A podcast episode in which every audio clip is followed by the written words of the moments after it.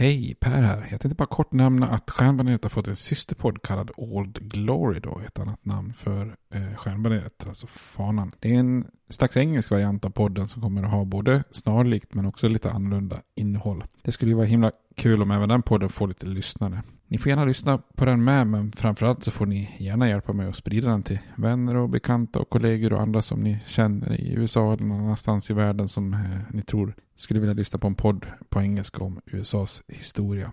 Tack, det var bara det jag ville säga. Nu kommer avsnittet. Hej då! Hiring for your small business? If you're not looking for professionals on LinkedIn, you're looking in the wrong place. That's like looking for your car keys in a fish tank. LinkedIn helps you hire professionals you can't find anywhere else, even those who aren't actively searching for a new job but might be open to the perfect role. In a given month, over 70% of LinkedIn users don't even visit other leading job sites. So start looking in the right place. With LinkedIn, you can hire professionals like a professional. Post your free job on linkedin.com slash people today. Hey, it's Ryan Reynolds, and I'm here with Keith, co-star of my upcoming film, If, only in theaters May 17th. Do you want to tell people the big news?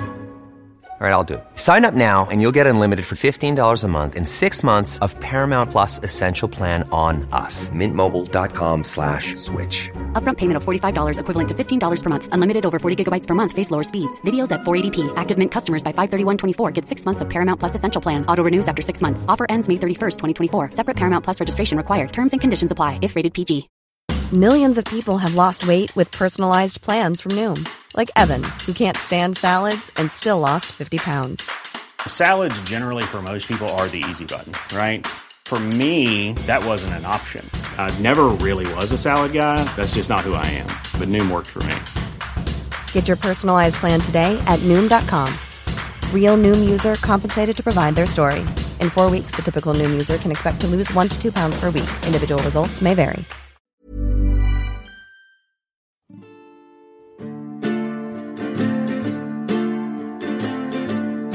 We hold these truths to be self-evident, that all men are created equal, that they are endowed by their Creator with certain unalienable rights, that among these are life, liberty, and the pursuit of happiness. Now we are engaged in a great civil war, testing that government of the people, by the people, for the people, shall not perish from the earth. And so, my fellow Americans, ask not what your country can do for you. Ask what you can do for your country. I have a dream that my four little children will one day live in a nation where they will not be judged by the color of their skin, but by the content of their character. Mr. Gorbachev, tear down this wall. I did not have sexual relations with that woman, Miss Lewinsky. Hej och välkommen till Stjärnbaneret, en eh, podcast om USAs historia med mig Per Fjärdingby. Eh, och eh, välkomna till del två i den här serien om den amerikanska västern. Jag vet inte riktigt exakt hur många avsnitt det blir, men det kommer ju bli några till avsnitt här där vi ska fördjupa oss i i guldgrävning, indiankrig, lite cowboys och ranching och eh, lite annat eh, smått och gott här som hör västern till helt enkelt. Då. Eh, men vi började ju förra avsnittet här med att titta lite grann hur blicka tillbaka så att säga. Där vi såg hur USA egentligen då flyttar det här gränslandet, the west eller the frontier, västerut från Appalacherna i öst till Mississippifloden i, i väst. Då. Och det var ju egentligen där eh, det formella USA tog slut så som det såg ut i landets absoluta inledning då. Och tidiga historia. Eh, men sen så kom ju då den här uh, väldigt oväntade och eh, häpnadsväckande affären där USA köper det här enorma Louisiana-territoriet och, och i princip dubblar sin, sin yta då. Eh, och jag tänkte att det är där vi tar vid i, idag då.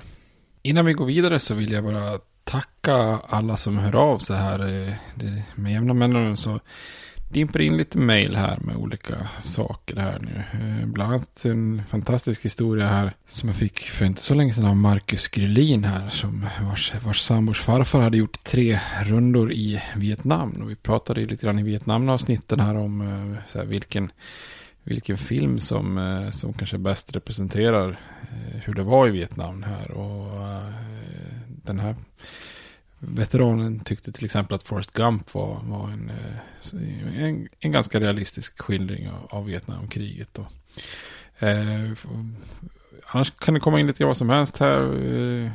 Lasse Hoffman har också skrivit en hel del eh, mejl. Bland annat, vi pratade lite förvirrat om det här med toapapper i ett avsnitt. Så eh, han eh, skrev här att det var Joseph Coyette som anses vara skaparen av det första riktiga toapappret i västvärlden eh, år 1857. Så det ser man, man lär sig saker hela tiden. Men innan vi eh, går vidare så eh, har vi återupptagit det här med öltips. Eh, och eh, ni fick ju uppdrag här ifall ni ville hänga med på detta med att införskaffa någon form av amerikansk lager eller internationell lager. Då. Eh, och det är lite så här, grunden. Det är kanske inte egentligen den, den bästa ölstilen jag, jag vet eller vad jag tycker så att säga. Men eh, det, är, det här är ju liksom ändå på något vis den, den, den storsäljaren som finns på marknaden. Då. alltså om man tänker sig en, en ljus lageröl Eh, Eh, eller om man tänker sig typ som en vanlig stor stark så, så är det ju eh, en internationell lager vi pratar om då. Eller, eller en sån amerikansk lager som kanske till och med är ännu, lite ännu ytterligare urvattnad. Och eh, backar man bandet, alltså i Tyskland så fanns ju en, en gammal eh, renhetslag, alltså Reinheitsgebot från 1516. Eh, som man har kört hårt på eh, och faktiskt än idag som en slags tradition då av att öl inte får bryggas på någonting annat än malt, humle och vatten. Och senare då när man kom på det här med gäst så även då gäst. Så att eh, en, en öl ska bestå av malt, humle, gäst och vatten. Då. Men i, i, vissa länder så, eh, jag tror det till och med det kan ha varit Danmark som var först, men i vissa länder börjar man då att egentligen bryta mot den här lagen då, eller ja, man bryter inte, det är en tysk lag, men så att säga man, man började experimentera så byter man då helt enkelt ut kornmalt. Alltså kornmalten är ju liksom korn som läggs i blöt och börjar gro och så avstannar man det här och rostar det på olika sätt och, tar fram liksom då stärkelser som kan förvandlas eh, med mäskning till socker och och då kan man ju byta ut kornmalt mot något som kallas för råfrukt. Och det handlar egentligen om att man byter ut kornmalt mot eh, ja, majs eller ris eller kanske socker eller någonting annat då. Och det handlar ju om att det blir en billigare råvara. Eh, och kan man då kombinera den här billigare, billigare liksom kostnaden med att också då ha mindre av humle. Eh, som då ger bäska och doft och arom och sånt där. eftersom humle då är den dyraste ingrediensen så blir det ju så att säga ännu billigare öl att tillverka då. Eh, men å andra sidan i andra änden så blir det lite mindre, eh, alltså lite tråkigare och, och lite mindre smak på ölen då. Och den här konsten tog man till sin spets då i USA, landet som vi har i fokus här då. När bryggare i mellanvästern då, oftast kanske då utav tyst ursprung, eh, ansåg att malt och humle som man fick tag på vid den här tiden var så dålig kvalitet och gav så kärva smaker så att man försökte liksom byta ut lite grann då och samtidigt eh, också då försöka få ner kostnaden då. Och i USA så fanns ju naturligtvis mängder av majs att tillgå då. Eh, och då blir ju resultatet sådana här extremt ljusa, lite smakfattiga öl då som verkligen liksom är stapelvaran i USA. då. när man tänker på USA så tänker man oftast att man plockar ur en sån här eh, amerikansk lager och vrider av skruvkorken och börjar halsa. Eh, har man sett i otaligt många filmer då. Eh, och de här eh, Egentligen är de här eh, typen av ölen ganska svåra att brygga i och med att den här råfrukten med ris och majs och sånt är lite svårt att mäska och laka. Det ska bli väldigt klistrigt och sådär. Men i och med att man gör det på en industriell nivå så funkar det och då blir det väldigt mycket billigare. Då. I Sverige finns faktiskt en lag, en tvärtom-lag, så att man får inte ha Eh, mer än 50% råfrukt, eller egentligen 49,99. Um, ehm, och, och, så vidare. Då. Och de här typerna av öl, alltså internationell lager och amerikansk lager, alltså det kan väl vara helt okej okay, så att säga. Ni, ja, en stor stark eller en ljus kall eh, öl av den här typen på sommaren när man är lite törstig. Det är okej okay, liksom. Alltså, I princip är ju all, all öl är bra öl. Men men eh, samtidigt, det, i princip är ju nästan alla andra ölstilar trevligare. Så att eh, det, här, det här, här, har vi liksom en baksida av industrialisering och prispress, marknadsföring och lite låga konsumentkrav kan man säga. Då, då blir det lite urvattnad eh, öl. Och eh, dricker ni väldigt mycket internationell lager så tycker jag, ge det en chans. Testa lite andra stilar. Och vi kommer ju gå in på mycket olika stilar och eh, rekommendera. Så det kommer ju komma med koppling till USAs historia och sådär. Så passa på då och utöka er, eh, er smakrepertoar vad gäller öl då. Och kända exempel på det här, och tar man internationell lager så som jag sa i förra avsnittet kan man ta nästan vad som helst. Falcon, Pripps Blå, Norrlands Guld och så vidare. Och tar man amerikansk lager så finns det de här klassikerna. Budweiser, Millers, Coors och så vidare. Då. Eh, och ja, jag, jag trodde jag hade något, något liknande hemma här så jag tänkte att jag ska, skulle dricka det här eftersom jag spelar in här en, en fredagkväll. Men eh, det hade jag inte så det fick bli en, en belgisk trippel ändå. Eh, nästa avsnitt i västernserien del 3 här nu, då tänkte jag att vi skulle prata lite grann om amerikansk Pale Ale. Eh, som det faktiskt kommer att finnas en väldigt tydlig koppling till eh, avsnittet faktiskt. Ehm, och då tycker jag ni ska försöka få tag på, innan något amerikanskt, alltså Sierra Nevada Pale Ale vore ju utmärkt för det är ju liksom själva grundölen i den här stilen då. Eh, men det finns ju också den här Lagunitas New Dogtown Pale Ale till exempel på systemet. Eh, eller också kan ni försöka ta någon svensk variant då som är, är i den här stilen då. Eh, Poppels American Pale Ale, Jämtlands American Pale Ale. Eller kanske Nynäshamns Bedare Bitter är också exempel på den här stilen. Så att, eh, försök att få tag på någon av de ölen så, så är ni verkligen i fas till nästa avsnitt.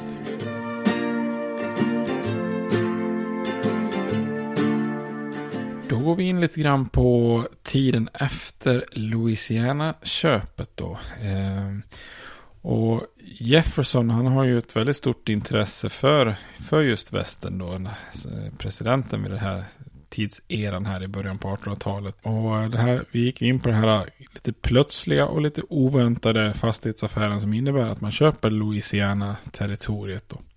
Men vad är det då USA egentligen har köpt? Ehm, det här är ju ett enormt område då.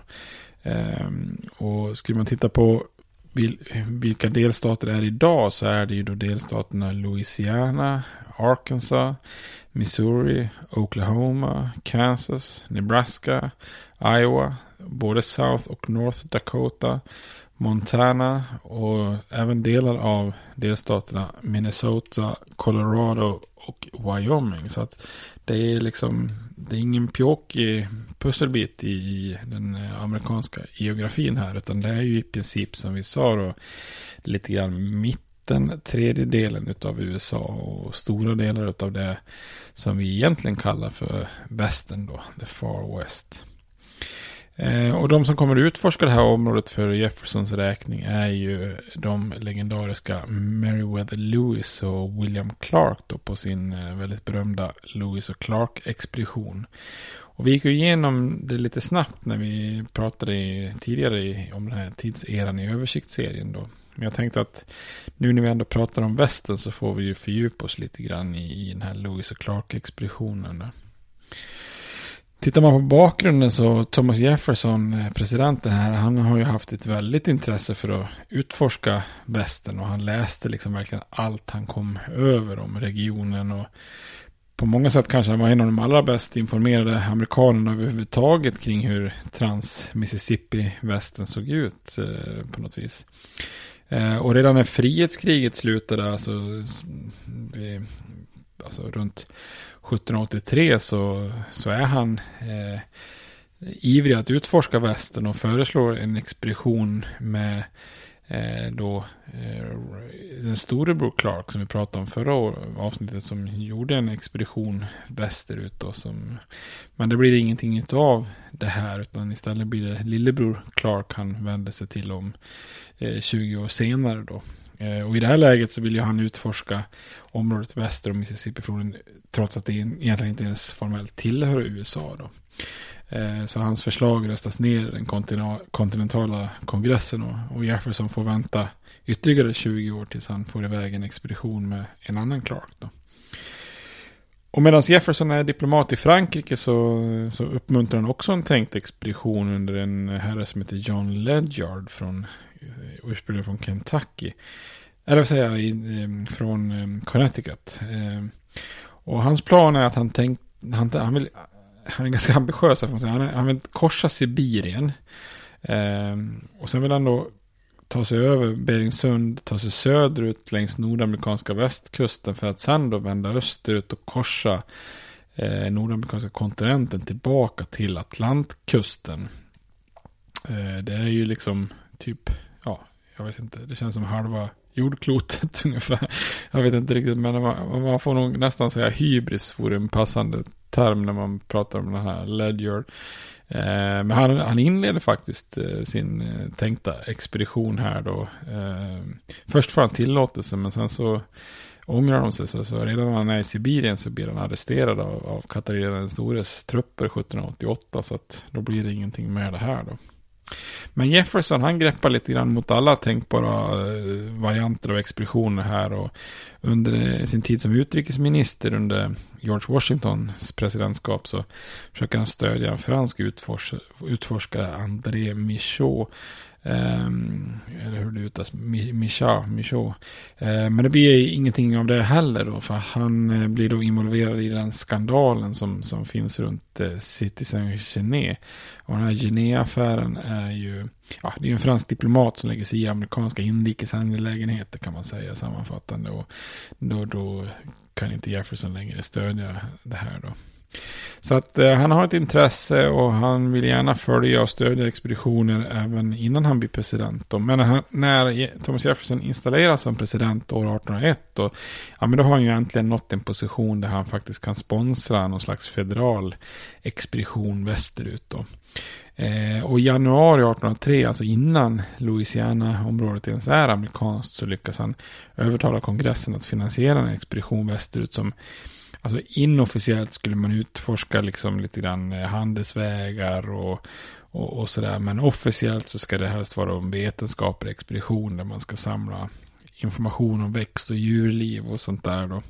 Men om man tittar under ytan så är ju Jefferson väldigt stressad vid det här laget och det ligger liksom ekonomiska och politiska motiv för expeditionen som vida liksom överskuggar de här biologiska då. Men oftast kanske ibland i historien när man vill skönmåla det hela så lyfts ju de här biologiska perspektiven fram betydligt mer då. Jefferson var ju väldigt allmänbildad och involverad i, i det mesta så att säga och väldigt intresserad av biologi och sånt där. Men det är egentligen de här ekonomiskt-politiska som stressar honom mer då. Och det som stressar Jefferson eh, var ju britterna i största allmänhet och, och en pälshandlare vid namn Alexander Mackenzie i synnerhet kan man säga. Eh, Alexander Mackenzie är från Skottland men börjar redan som 15-åring och jobba med pälshandel i, i Montreal. Eh, och 1787 så fick han befäl över den absolut mest västerutliggande posten på, för, för ett pälskompani i dagens Alberta, Kanada. Eh, och efter ett första misslyckat försök så ger han sig 1793 av västerut med ett litet följe över Klippiga bergen och, och kan då till slut nå Stilla havet i vid dagens British Columbia då, eh, 1793 då. Och han är ju då den första av europeiskt ursprung som kors, korsar kontinenten från öst till väst då. Och han gör ju detta alltså då 12 år innan Lewis och Clark-expeditionen då. Eh, lite ironiskt kan man säga i sammanhanget så kommer han faktiskt fram till en plats som bara 48 dagar tidigare har besökts av den brittiska sjökaptenen George Vancouver. Eh, som ungefär samtidigt är ute och utforskar Stilla havskusten eh, på, på, ombord på ett skepp då. För britternas räkning. Eh, det här lämnar ju spår sen i att ja, det blir ju en halvö som heter Vancouver och, och, så dagens stad i, i västra Kanada är ju uppkallad efter den här George Vancouver. Men det är lite lustigt om eh, Vancouver och Mackenzie missar varandra med 48 dagar. Annars hade man kunnat träffats där ute på västkusten. Liksom. Hade varit en rolig händelse liksom. Så tjena, är du också här mitt ute i omarken? Jefferson då, han eh, som sagt, han läser ju allt han kommer över. Han kommer ju över den här Mackenzies eh, publicerade resebeskrivning och, och eh, där så skriver ju inte Mackenzies, Mackenzie orden direkt utan, utan han rekommenderar ju britterna att agera där kring det som idag är och den nord nordvästra USA. Han skriver bland annat att By opening this intercourse between the Atlantic and Pacific Ocean and forming regular establishment through the interior the entire command of the fur trade of North America might be obtained. Så han, han rekommenderar oss och så rekommenderar han specifikt då Columbiafloden eh, som lämplig för en koloni i nordvästra Nordamerika då.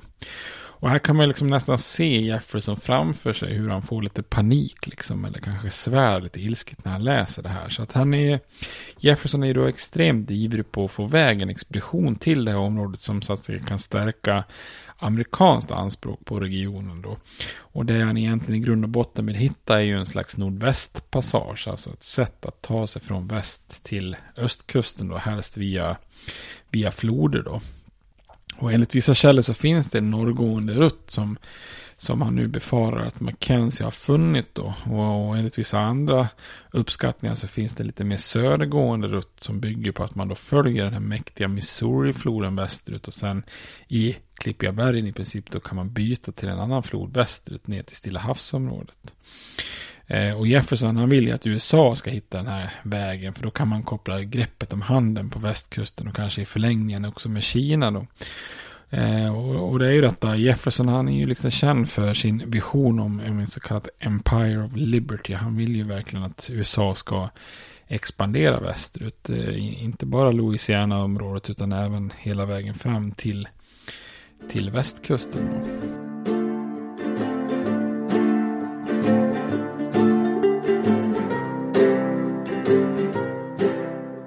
Och då är vi framme egentligen då vid Lewis och Clark då. Eh, och här kan man ju vara, kanske vara lite tydliga, tydlig med att den här expeditionen börjar ju planeras oberoende av eh, Louisiana-köpet då. I, I många beskrivningar av böcker eller jag lyssnade på historiepodden till exempel så då får man lite grann intrycket av att den här expeditionen planeras för att man just liksom är lite nyfikna på att vilja veta hur det här stora området som man köper från Napoleon ser ut då.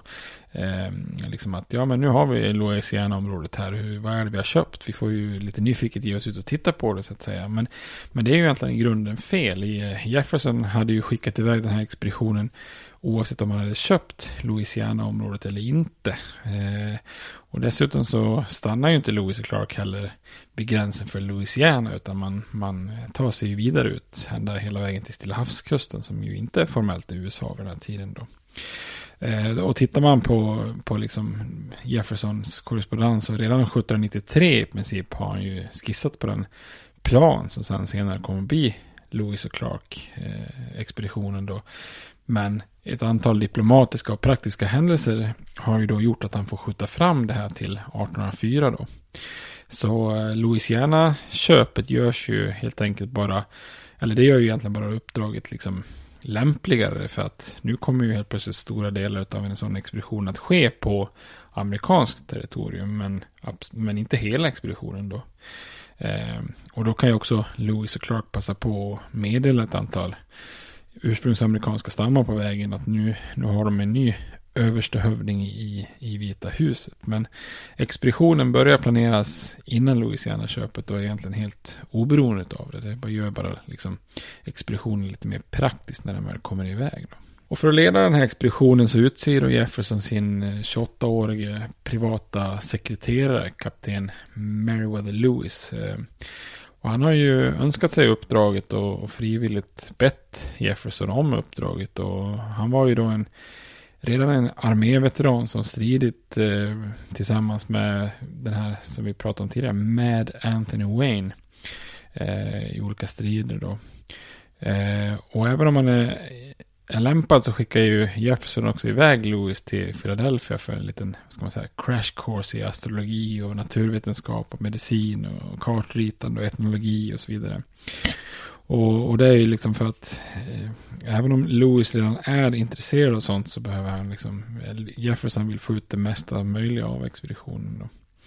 Så Lewis eh, står ju Jefferson tämligen nära då. Eh, vilket ju är vanligt med så här privata sekreterare över den här tiden. Då man blir liksom en del av den officiella familjen. Då. Man kan jämföra till exempel med John Nicolai och John Hay som var eh, Abraham Lincolns privata sekreterare. De liksom spenderar ju så otroligt mycket tid med varandra. Så att det blir ju liksom, man kanske umgås mer med sina privata sekreterare än vad man gör med sin fru och barn. Liksom.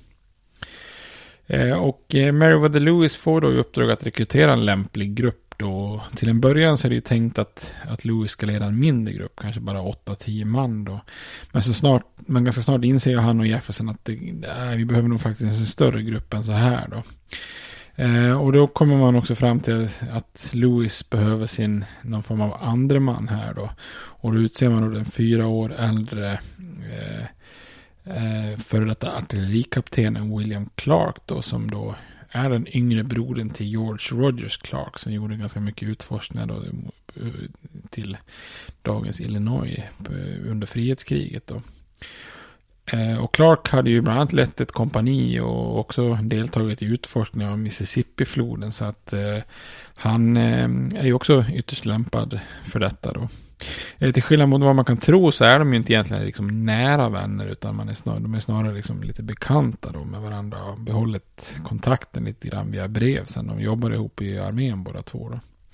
Men de är ett ganska fint liksom balanserat par. Lewis är ju väldigt intresserad av djur och växter och vetenskap. Medan Clark kanske är bättre på att leda män och lite bättre på det här med geografi och kartor. Det här gör ju det att ofta så kanske Clark sitter kvar i båten och, och eh, ritar lite kartor och sånt där. Medan Louis går i land och kollar lite grann på naturen och tar lite prover och så vidare. Då. Eh, Louis är också känd för ett väldigt hett temperament och också för att stundtals vara liksom dyster och eh, behöva gå iväg och vara för sig själv då och bli väldigt melankolisk då. Medan Clark han, han är alltid en tuff, lugn, stabil man som trivdes i olika sällskap då. Men det bästa för Jefferson det är ju också att båda två är utmärkta skribenter och antecknar enormt mycket på, på den här expeditionen då. Eh, rent tekniskt så hade ju Clark lämnat armén. Eh, så därför när det är dags för den här expeditionen så får han en löjtnantsgrad officiellt. Eh, men även om Lewis har, då har högre rang som kapten så kommer de båda arméerna, eller de båda armännen överens om att ja, men vi, vi ska köra delat ledarskap eh, rakt av här. Lite som Lars, Lars och Tom gjorde med fotbollslandslaget för många år sedan. Eh, så de, de ljuger för sina män på expeditionen och säger att Nej, men vi är kaptener båda två. Vi är jämbördiga kaptener. Så att vi är liksom befäl tillsammans här. Ingen av oss har högre rang än den andra. Vilket egentligen inte då stämmer formellt. Eh, det här är ju, ja, det är ju klart, det, det är ju någonting som går emot hela grejen med arméns normala idé om en liksom befälskedja och tydlig hierarki. Då. Men, men det verkar funka utmärkt då. Lewis och Clark hamnar inte i några större liksom bråk och var tydligen sällan oense om saker. Då. Eh, och Jefferson ägnar ju mycket tid i uppdragets liksom, instruktioner till det här med forskning och naturobservationer. Men viktigaste uppdraget är ju att hitta den här vattenvägen västerut. Då. Ehm, och expeditionen samlas då för att starta vid, eh, i St. Louis. Ehm, eh, själva stan St. Louis är ju kallad då Gateway to the West. Därför att det är väldigt mycket expeditioner, pälsjägare och andra som, som använder stan som liksom eh, språngbräda västerut. Då. Rent formellt så kallas expeditionen för The Army Corps of Discovery, alltså någon slags eh, arméns upptäckarkår. Då. Eh, och det är klart, det är ju lämpligt namn då. Eh, man hade ju faktiskt ingen, ingen aning vad man skulle stöta på. Så man är ju verkligen en, eh, en upptäckarkår då. Och för att förstå lite grann hur stor man säger, okunskapen är vid den här tiden så kan man ju säga att Jefferson, även om han är liksom extremt bildad och påläst och intelligent på många sätt så, så var ju bland annat han övertygad om att det dels då fanns en nordvästpassage, eh, vattenvägen mellan kusterna då. Eh, han trodde inte att Klippiga bergen var högre än Blue Ridge-bergen i öst, men det, det är de ju verkligen då. Eh, han trodde att man kanske skulle kunna stöta på förhistoriska djur som mammutar ute i väst och att man eventuellt också kunde, skulle kunna stöta på indianer som härstammade från de förlorade stammarna av Israel och att man skulle kunna hitta stora berg av salt och massa olika saker. Så det är liksom, ja, det, man är helt enkelt inte, eh, det finns Ja, så man kan säga så här, det finns mycket, mycket okunskap som, som, präglar de här instruktionerna.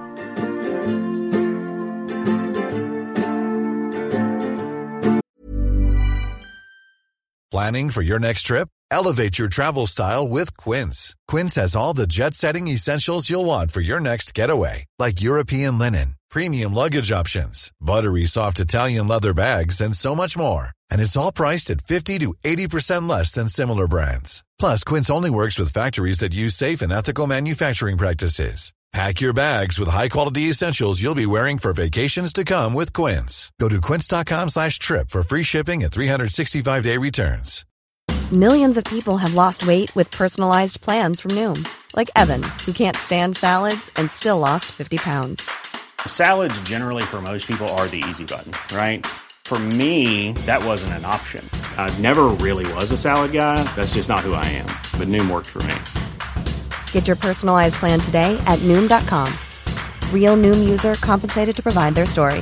In four weeks, the typical Noom user can expect to lose one to two pounds per week. Individual results may vary.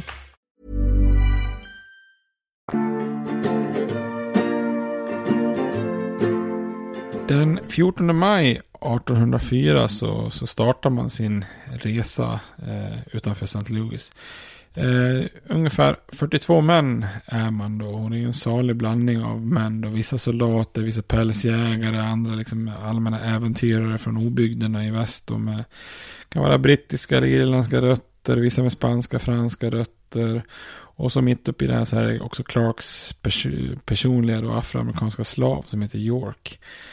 Um, och när expeditionen väl sätter av då så helt plötsligt så är ju Louisiana territoriet plötsligt amerikanskt. Och så uh, under en stor del av expeditionen så länge man behåller, håller sig på amerikanskt territorium så blir det också liksom ett slags diplomatiskt uppdrag att ge information om, om ägarbytet till, till ursprungsstammarna i väst. Då. Och man börjar med expeditionen och då tar sig upp, upp längs Missouri-floden då. Eh, och så länge man gör det så under en början så är man ju inom områden som är välbekanta för både spanska och franska handelsmän och jägare. Man passerar ju faktiskt ingen mindre än Daniel Boone själv som har sitt hem då några mil, mil väster om eh, St. Louis. Eh, och till en början så går det ju tämligen långsamt eftersom de ju faktiskt reser motströms då längs Missouri-floden då.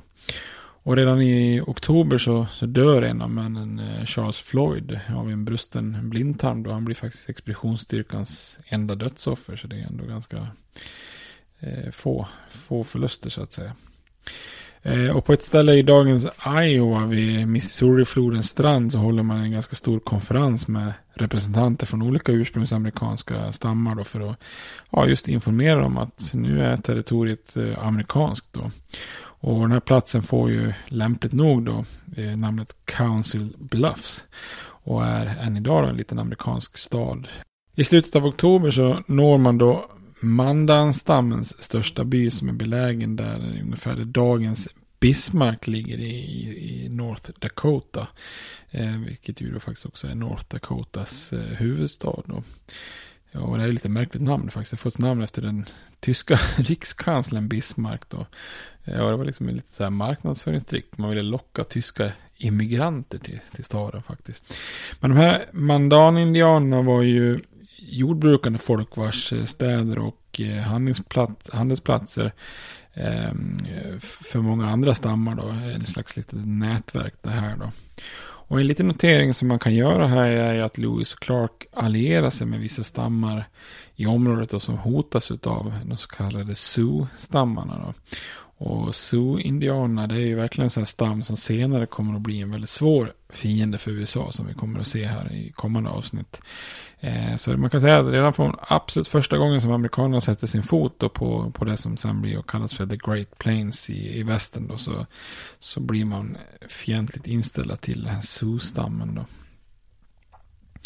hos de här mandanerna eh, så stannar man över vintern, tar ett vinterkvarter. Eh, och förbereder sig för att fortsätta expeditionen till våren. Och det är när man bor här som, som expeditionen rekryterar två riktiga nyckelpersoner då. Det är den franska handelsmannen Toussaint Charbonneau och hans eh, fru Sakayavea som är då Shoshone-indian. Eh, men som har kidnappats från sin stam och blivit förd österut då. Och hennes kunskaper om det här territoriet som de ska färdas igenom och, och förmåga att kunna fungera som tolkar blir ju liksom eh, oerhört värdefullt. Då. Och det här tolkandet ska man ju liksom inte underskatta. Liksom för att eh, tidigare har ju då en, en, en indian talat med en annan indian som kanske kunde franska och fört det vidare till en person som kunde både franska och engelska för översättning då till, till Louis och Clark. Då och sen tillbaka samma väg då. Så det blir ju väldigt eh, Ja, det blir inte så lätt att föra kommunikation och kommunicera med olika stammar där eh, när översättningen går till sådär i massa olika led. Eh, jag har, ju, mm, har varit på ett möte själv i Polen där det var eh, liksom översättning polska, engelska liksom och bara den, ett steg tar ju, blir ju sjukt segt liksom. Dessutom tar ju de här två då, den franska handelsmannen och, och Sakajaveas tar ju också med sig sitt nyfödda barn då. Eh, en liten pojke som faktiskt först heter Pomp men sen faktiskt får namnet Jean Baptiste. Vilket ju är lite underligt här då, men eh, då, jag antar att man får kalla honom för Karl Johan då utifrån Bernadotte-grejen i, i Sverige sen då. Men eh, att de här eh, ursprungsamerikanerna som de möter på vägen ser att det här följet faktiskt har då en kvinna och en bebis.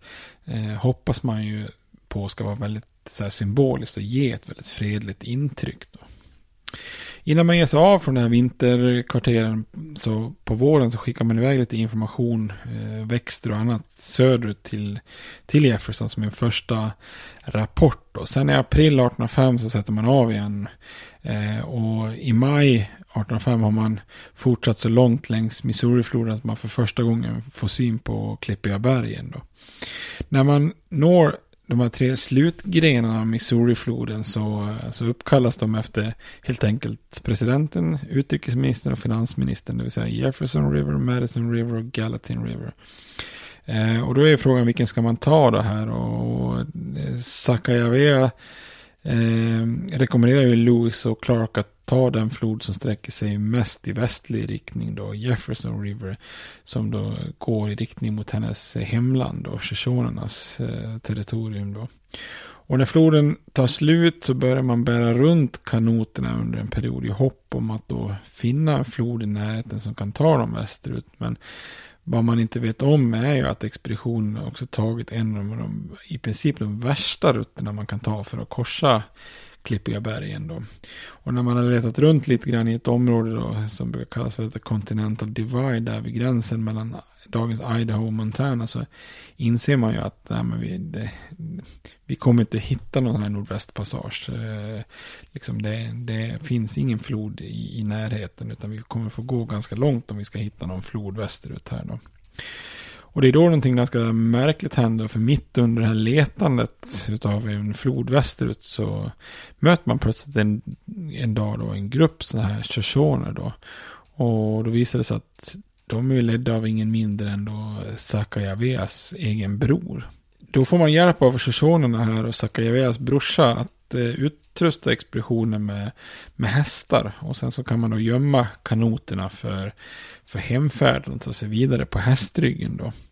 Och en stor del av området de passerar nu i nordväst och det så kallade Oregon-territoriet så där är det ju oklart vem som kontrollerar det här. Det är ju många länder som är anspråk då. Eh, man befinner sig inte officiellt längre på amerikansk mark då. Alltså, man har ju eh, färdats ut ur Louisiana-territoriet. Spanien till exempel är ju anspråk på västkusten även norr om Kalifornien vid den här tiden då.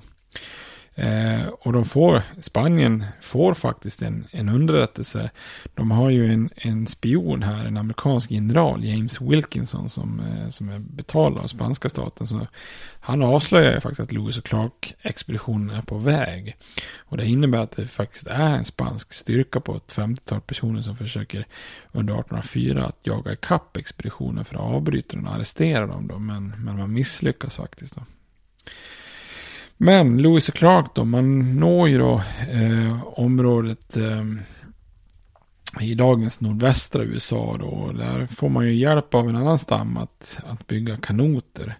Och blir då guidade längs eh, ett antal floder som hänger samman då. Clearwater, Snake River och så slutligen i oktober ut i Columbiafloden då. Och Columbiaflodens starka strömmar för dem ju väldigt snabbt västerut genom Cascadebergen då. Till, till slut så, så når de flodens eh, fall ner mot eh, kusten och den 7 november 1805 så kan expeditionen äntligen då blicka ut över Stilla havet då. Och när man är framme vid Stilla havet så intar man då vinterkvarter eh, där på Stilla havskusten då i Chinookstammens område. Eh, Chinook det är faktiskt en eh, känd humlesort man använder i ölbryggning. Eh, I mars 1806 då så börjar man sakteliga färden tillbaks då.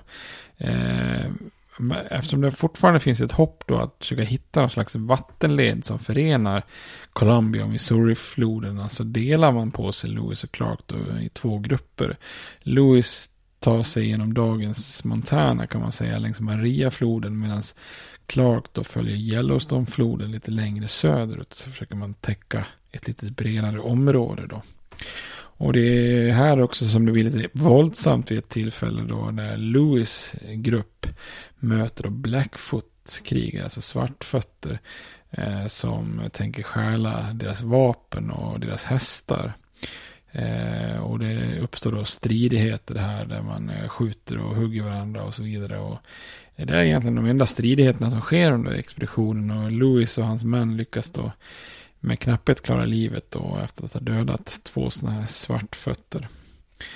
Eh, de båda grupperna förenas igen i dagens North Dakota. Bara där kan man ju tycka är en bedrift då efter att ha varit skilda från varandra i typ hundratals kilometer då. Och till slut så har man då återvänt till Mandan indianernas by då där man gjorde första övervintringen och eh, där lämnar man Sakagavea och eh, hennes, hennes man då eh, kvar. Det, då är ju de så att säga hemma igen då. Och när man väl har nått Missouri-floden då kan man ju också då strö, följa strömmarna eh, då eh, och återvända i sydostlig riktning. Och man är tillbaks i St. Louis i den 23 september 1806. Och då har det alltså gått två år och fyra månader sedan de gav sig av då. Och de allra flesta, utom kanske Jefferson som säger att han alltid har trott på att de ska komma tillbaka, Men de allra flesta tror ju att de har gått under vid det här laget. Och för, förutom den här lilla rapporten man fick när man skickade varor söderut då efter den första övervintringen så har ju ingen hört ett ljud då. Och på västkusten under övervintringen, övervintringen så hade ju Lewis och Clark en förhoppning om att de skulle få kontakt med ett skepp som kunde föra information till Jefferson att de faktiskt har nått Stilla havskusten. Men de får ju inte håll på något skepp där så att man tvingas ju starta resan tillbaka utan det. Då. Så det är klart att det är ju inte så konstigt att folk tror att de har, har gått under då. Eh, och det är ett jädra avstånd de eh, faktiskt eh, avklarar här då under sin eh, expedition. Ett eh, väldigt imponerande avstånd. Alltså från St. Louis längs med Missourifloden över Klippiga bergen, platån, Cascadebergen, ända ner till västkusten. då. jag menar, kollar man på en karta, liksom leta upp eh, eh, platsen där Stanley Cup-mästarna St. Louis Blues spelar sina hemmamatcher och sen så hela vägen ut till kusten. Liksom. Ja, det är ju inte så konstigt att expeditionen tar över två år då. Och det är svårt att nämna Lewis och Clark-expeditionen utan att eh, nämna ytterligare en medlem i expeditionen, då John Colter. Eh, för när Lewis och Clark bara har några veckors resa kvar till, till St. Louis så möter de två pälsjägare. Då. Man kan ju tycka att man kanske då i det här läget har fått nog av äventyr. Men John Colter han får faktiskt tillåtelse att följa med dem västerut igen här. Eh, och efter ytterligare ett år i väst så är den här John Colter på väg hem till St. Louis igen. Han möter en expedition av pälsjägare under den kända Manuel Lisa som ska eh, anlägga en pälsjägarstation eh, som heter Fort Raymond då. Och då anställer Lisa eh, Colter som guide då, så det blir västerut igen då.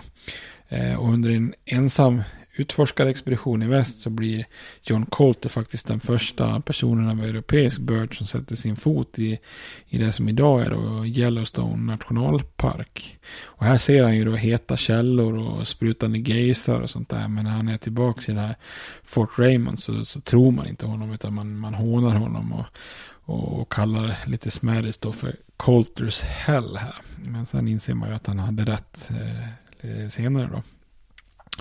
Och han har ju ett, eh, han lever ganska stora äventyr ute i, i västern och vid ett tillfälle så blir han och hans kumpaner också överfallna utav, av en indianstam där och, och han, han tvingas, hans eh, kumpaner dödas men han själv eh, får en chans att överleva om han klarar ett, liksom ett, ett gatlopp naken. Att han ska springa förbi ett antal indianer.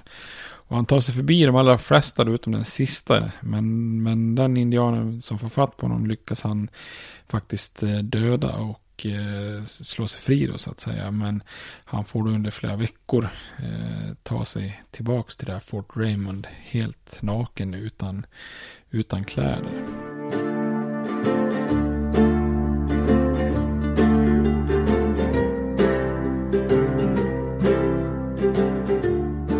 Efter expeditionen då så beger sig Lewis och Clark omedelbart till Washington för att rapportera till, eh, till Jefferson då.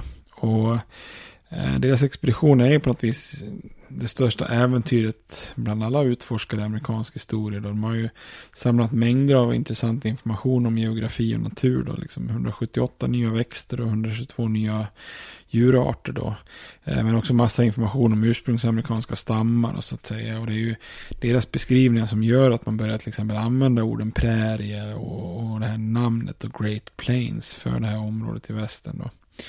Eh, men på ett plan så misslyckas ju expeditionen fatalt. Alltså de, de hittar ju inte den här nordvästpassagen eller något bra flodsystem som kan förverkliga Jeffersons dröm om en kommersiell rutt som, som länkade Atlanten och Stilla havet. Och den rutt man faktiskt tar västerut var ju dessutom en svår och krånglig väg. Då. Det är ju långt ifrån den som blir mainstream senare. Då.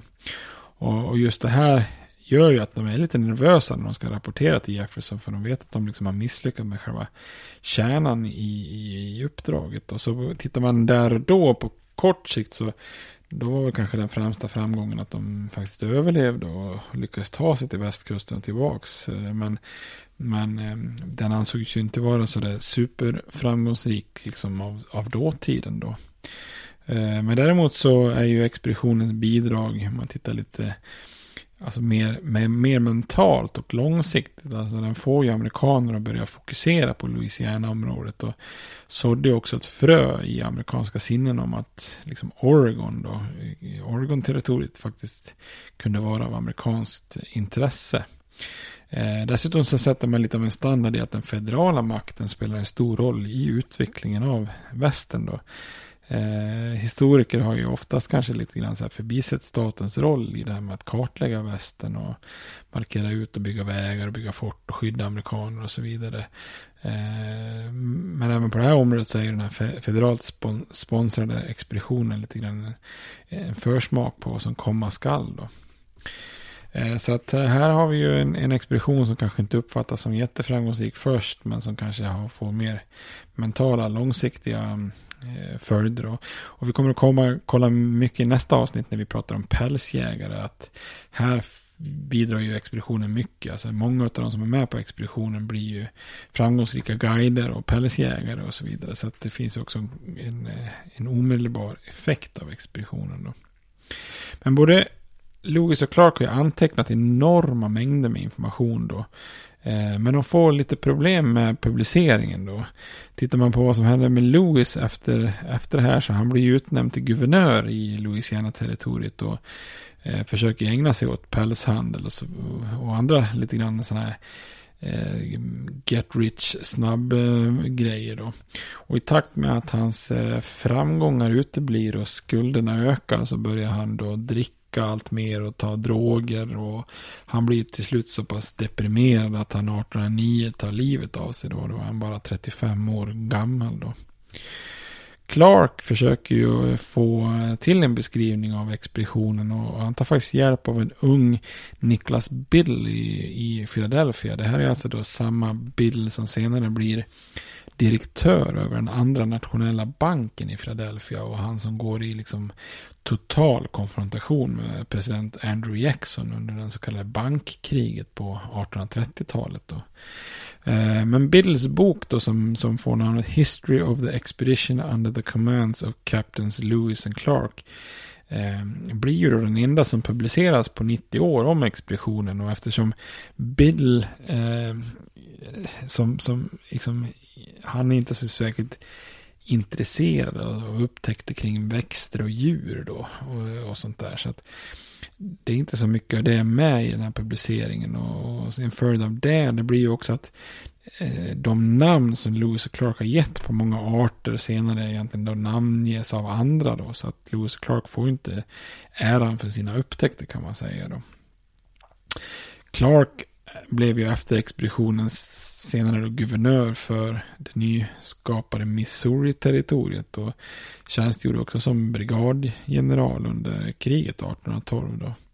Formellt så adopterar han dessutom eh, Sakaveas eh, eller Sakaveas son då, eh, som är med på expeditionen. Han blir lite förtjust i den här pojken då. Och Clark, Clark han lever på till 1838 och, och, dör faktiskt när han, först när han är 68 år. Så han blir betydligt äldre än Lewis. Och han hade ju som sagt inte formellt en kaptenstitel utan en löjtnantstitel. Men det här korrigerar man faktiskt. Så sent som 2001 är det ingen mindre än Bill Clinton som lite så här postumt eh, ger William Clark eh, kaptenstiteln. Då.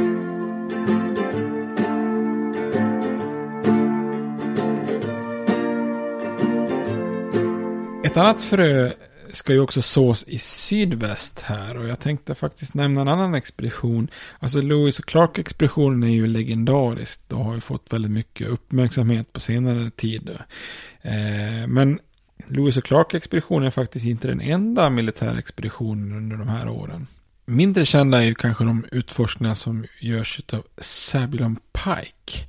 Eh, han ska vi inte blanda ihop med Sabulon McCahan från den kända McKayen-familjen serien där.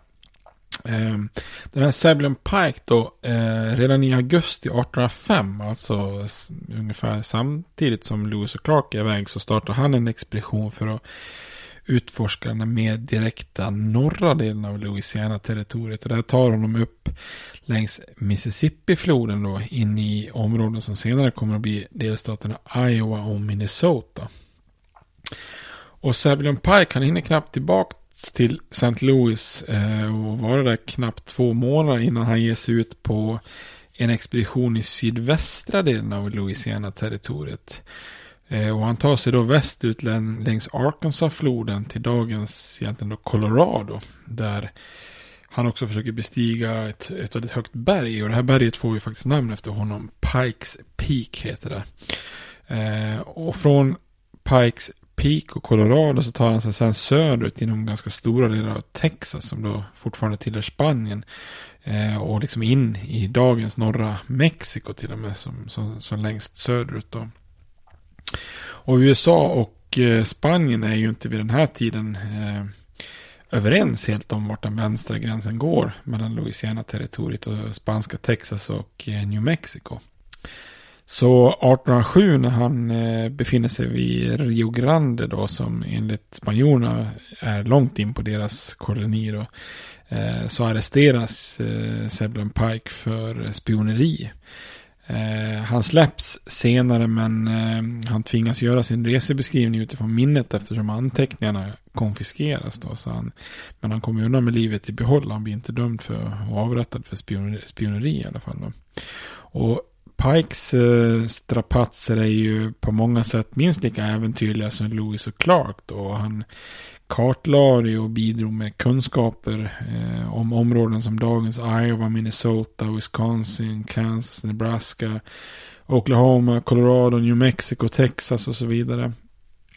Men Sebren Pike är inte alls lika uppmärksammad eh, som Lewis och Clark då. Och det här handlar ju väldigt mycket om sponsorskap då. För medan Lewis och Clark liksom sponsrats av president Thomas Jefferson så hade ju då Zebulon Pike sponsrats och fått sitt uppdrag utav general James Wilkinson då som styr det militära i, i, den västra delen av landet då. Och, och därmed så svartas ju Pikes rykte ner eftersom då Wilkinsons rykte svärtas ner. Han, som jag nämnde tidigare, han är ju under många år har den här James Wilkinson varit en hemlig agent för Spanien och involverad i en massa intriger med spanjorer och fransoser. Um, och efter Louisiana-köpet så var han ju involverad i den här så kallade Burr-konspirationen som vi pratat om eh, tidigare i podden då. Alltså vi har den här Aaron Burr, eh, vicepresidenten som, som sköt Alexander Hamilton i en duell. Eh, det han är ju känd för det. Eh, Burr och Wilkinson hade ju planer på att försöka bryta loss hela Louisiana-territoriet från USA och erövra delar av Mexiko med en privat armé, alltså sådana kallade filibusters. Och, och skapa någon form av ny nation, alltså kapa av västra USA från, från USA och, och skapa en ny eh, nation då.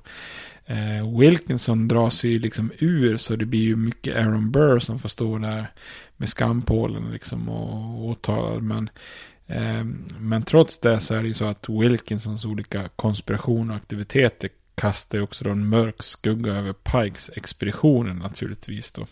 Så att eh, hade, hade även Zebulon Pike haft en liten bättre sponsor så hade kanske hans expeditioner varit lite mer kända också då. Eh, Pike rapporterar ju från sydvästra USA här om ett ökenliknande och inte brukbart landskap då. Och det här bidrog ju till uppfattningen i, i öst och Washington att väldigt stora delar av västern där i sydväst inte alls var lämpligt för någon blivande delstat utan mest kanske då kunde vara en plats man kan förflytta, tvångsförflytta ursprungsamerikaner eh, dit då, eh, när de här stammarna är, eh, är i vägen längre österut då. Så Pike, eh, om någon bidrar ju till att området under, under ett väldigt lång tid kommer att kallas för The Great American Desert. Och, och, gör att man kanske inte riktigt...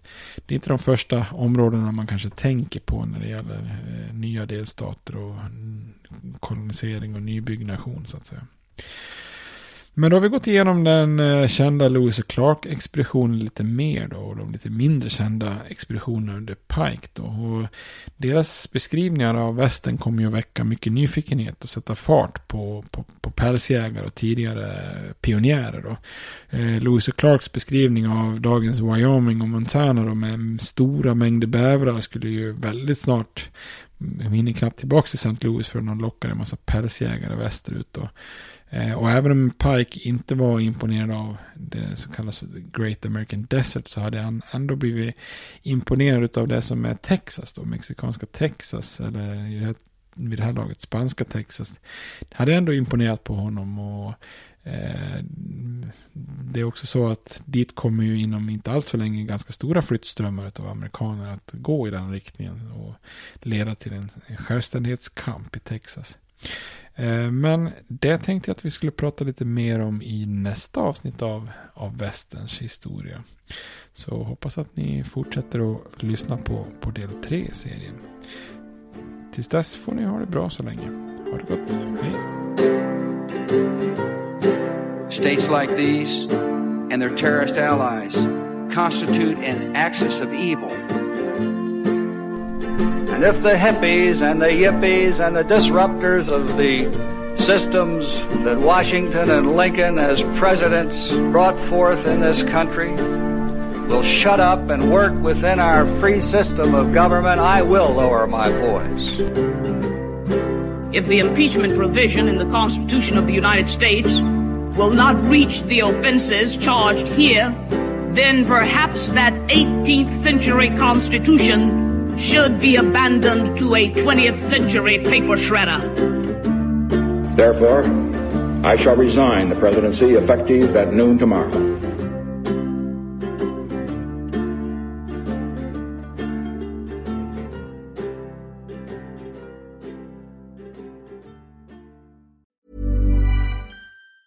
Planning for your next trip? Elevate your travel style with Quince. Quince has all the jet setting essentials you'll want for your next getaway, like European linen, premium luggage options, buttery soft Italian leather bags, and so much more. And is all priced at 50 to 80% less than similar brands. Plus, Quince only works with factories that use safe and ethical manufacturing practices. Pack your bags with high-quality essentials you'll be wearing for vacations to come with Quince. Go to quince.com slash pack for free shipping and 365-day returns.